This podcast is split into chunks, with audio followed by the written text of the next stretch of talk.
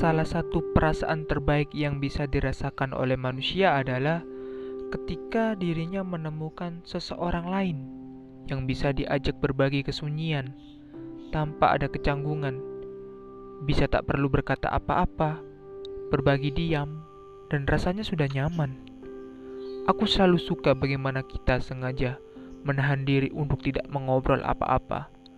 Sengaja berbagi diam, meski sekadar duduk bersebelahan, menikmati awan mendung yang hendak menurunkan hujan.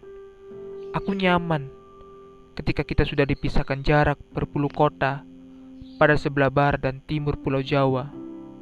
Kita masih bisa berbagi diam, berdua di ruang obrolan kita, sama-sama online, dan tak mengetik apa-apa, membaca ulang topik dan bahan gurauan tadi siang, hingga kemarin-kemarin malam. Kita tidak sedang marahan, kita tidak sedang canggung, atau bermusuhan.